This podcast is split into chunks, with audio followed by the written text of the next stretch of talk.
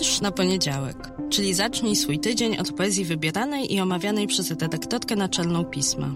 Nazywam się Magdalena Kicińska i zapraszam do słuchania podcastu. Partnerem cyklu jest Instytut Kultury Miejskiej w Gdańsku, organizator festiwalu Europejski Poeta Wolności. Balsa Brkowicz Kościół Zbawiciela Czyta Miło Streczek ona wprowadza mnie do kościoła. Idziemy posłuchać muzyki. Nie martw się, to w kościele jest dozwolone, nawet takim bezbożnikom jak ty. Chwała jej, pomyślałem. Prowadzi mnie w muzykę, a nie do kościoła. Tam poczuję się lepiej. Muzyka nie opowiada o raju. Jakżeby mogła, ona jest rajem. Muzyka ci nie mówi bądź dobry, a otrzymasz w niebie lepszy pokój. Mamy dla ciebie świetne miejsce, pięciogwiazdkowy hotel, tylko zapłać już teraz, bądź więźniem. Dźwięki to tak czy inaczej najlepszy pokój, jaki możemy znaleźć. Kościół Zbawiciela, zaraz za mostem Karola, Praga. Moja droga wie, co robi. Ona mi nie zbawia, ona mi odkrywa duszę. Praga, 6 października 2010. Dobry wieczór, dzień dobry, cześć. Bardzo Was witam w kolejny poniedziałek Poniedziałek z wierszem, wiersz na poniedziałek. Rozpoczęliśmy tym razem troszkę inaczej, bo wprost od wiersza Kościół Zbawiciela z tomiku Czarne Boisko Balsy Byrkowicza w przekładzie Agnieszki Schreier to nasz kolejny gość w ramach naszego cyklu spotkań z europejskimi poetami wolności, znominowanymi do tej nagrody w tegorocznej edycji konkursu.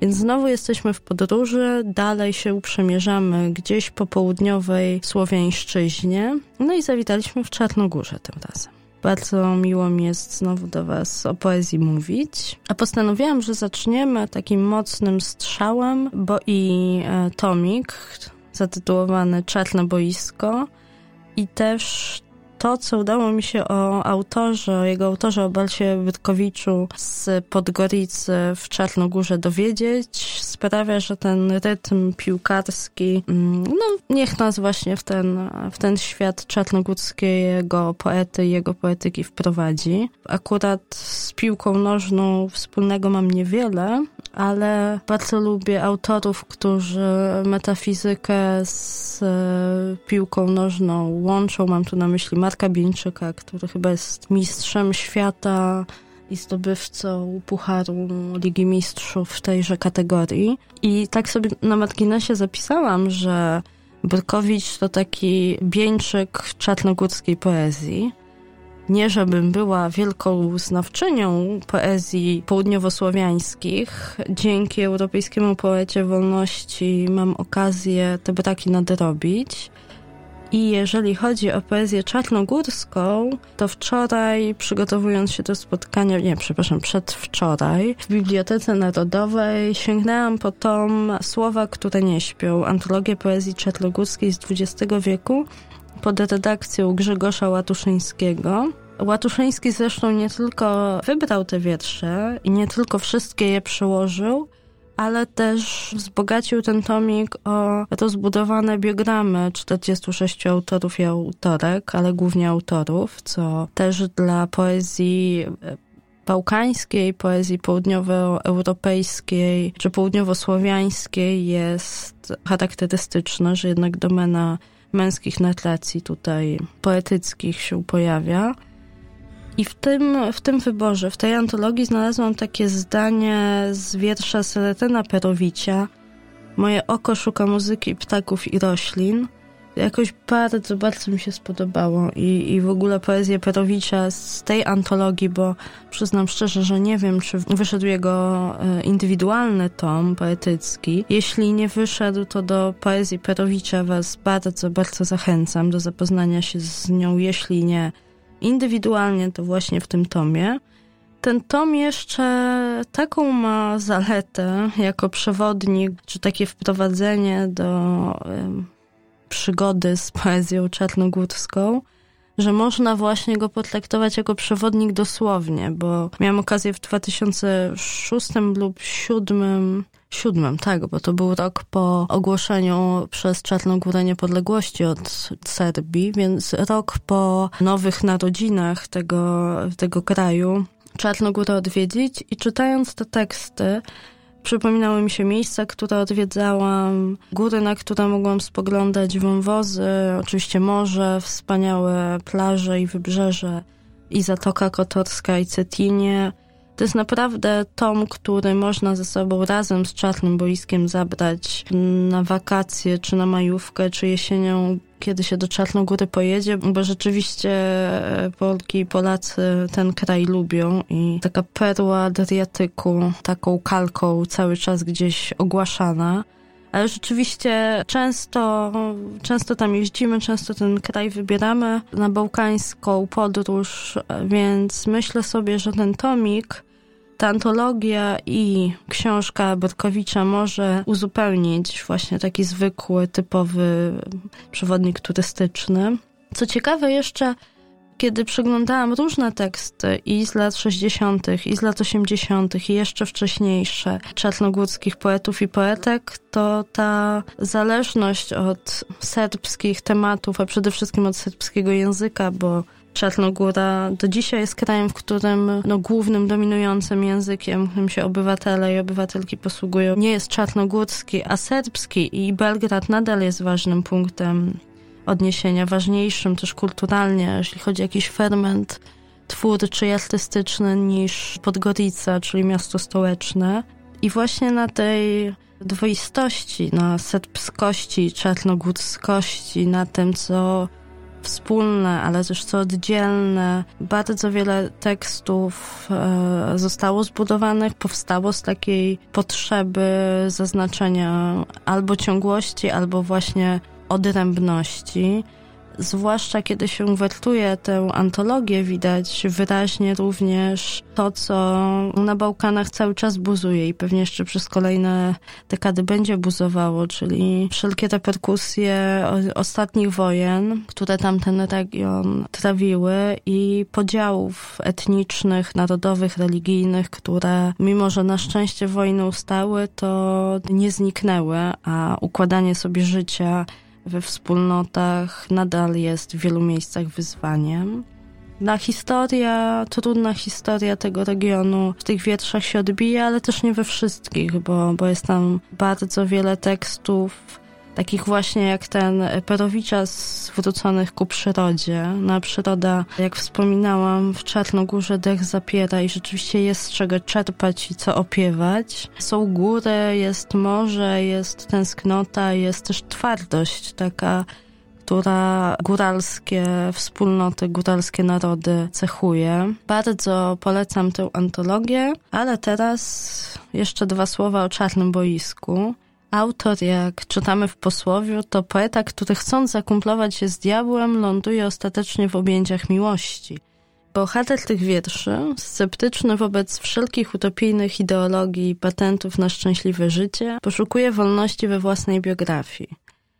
No właśnie poszukuje wolności chyba też od obowiązku dawania świadectwa, czy relacjonowania, reagowania na traumy, na dziedzictwo, na wszystkie te tematy, problemy pisane wielką literą i odwraca się chyba też od, od wiatru historii, tak próbując rozpalić zapałkę, żeby przyjrzeć się temu, co, co najbliżej. I, I w tym spojrzeniu jest też na przykład, i może dlatego też moje skojarzenie ze stylem, z tonem wypowiedzi pisackiej Marka Bińczyka, bo w tym spojrzeniu bardzo ważna jest matka i, i, i rola matki jako duchowej przewodniczki, czasami jako punktu odniesienia, czasami jako figury, od której trzeba się odbić, żeby siebie odnaleźć. Ale to odbicie, odbijanie się od matki, biorąc pod uwagę to, że ta poezja czarnogórska ma bardzo, bardzo taki mocny męski rys, też wydaje mi się interesujące. A poza tym spojrzeniem interesujący wydaje mi się też język, którym Borkowicz się posługuje.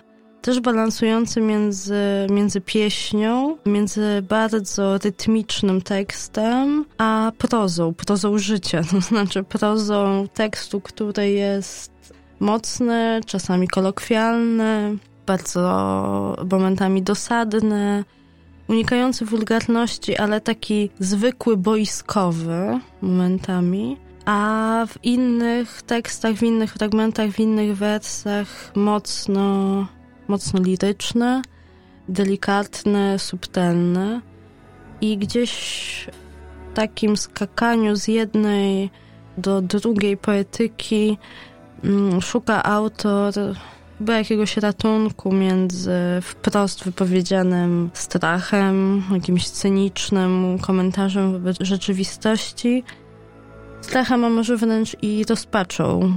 Wybrałam ten, ten wiersz, Kościół Zbawiciela, troszkę przewrotnie, dlatego że to nie jest baner reklamowy dla tego tomu. On jest, ten wiersz jest trochę inny i jeżeli będziecie mieli ten tom e, w ręku, to zobaczycie, że powstał w Pradze, czyli poza miejscem, w którym poeta na co dzień żyje i tworzy.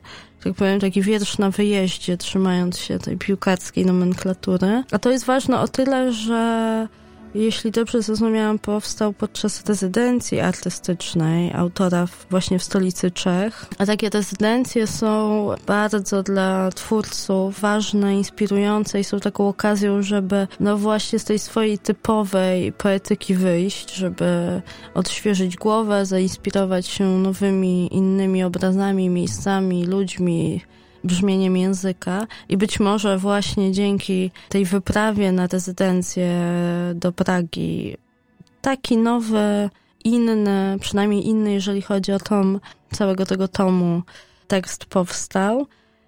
Nie, nie, nie znaczy to, że ta, ta, ta, zmiana, różnica między tym tekstem a sąsiednimi jest, e, jest ogromna, że istnieje jakaś wyrwa między poprzednimi a następnymi wierszami, E, na następnych stronach tego zbioru wierszy.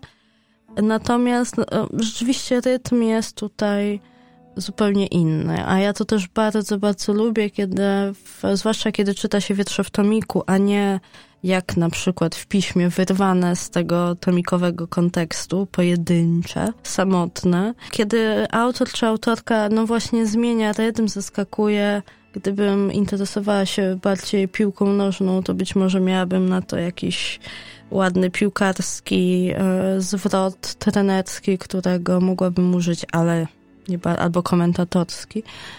Komentatorzy to w zasadzie też są wspaniali poeci i to, co oni robią z językiem, z moją ulubioną truskawką na torcie Tomasza Hajty, to też jest może temat na jakiś następny podcast. Poezja komentarzy sportowych, zwłaszcza komentatorów sportowych, tworzona tak jak na slamie poetyckim w zasadzie czasami. W każdym razie bardzo lubię takie zaskoczenia i twórca tego wiersza, autor Kościoła Zbawiciela, właśnie taką szybką wrzutkę tutaj nam robi. Ale jeżeli chcecie go spotkać, jeżeli chcecie spotkać pozostałych nominowanych i nominowane i tłumaczy i tłumaczki oraz mnie, możecie to zrobić, bo mamy dla Was jedno podwójne zaproszenie na galę Nagrody Europejski Poeta Wolności. A jeśli chcecie to zaproszenie zdobyć, przypominam, że Europejski Poeta Wolności to Gdańsk, więc pewnie dla mieszkańcom Trójmiasta i mieszkankom będzie najłatwiej z tego zaproszenia skorzystać. To bardzo proszę o to, żebyście odpowiedzieli na pytanie, kto zwyciężył w konkursie w edycji 2014, czyli przed sześcioma laty. Odpowiedź na to pytanie ślijcie na adres ewa.salamon małpa magazynpismo.pl. W tytule maila bardzo proszę o wpisanie słowa poezja. Dzięki temu łatwiej Ewie będzie ten, e, ten mail znaleźć. No i kto pierwszy, ten lepszy.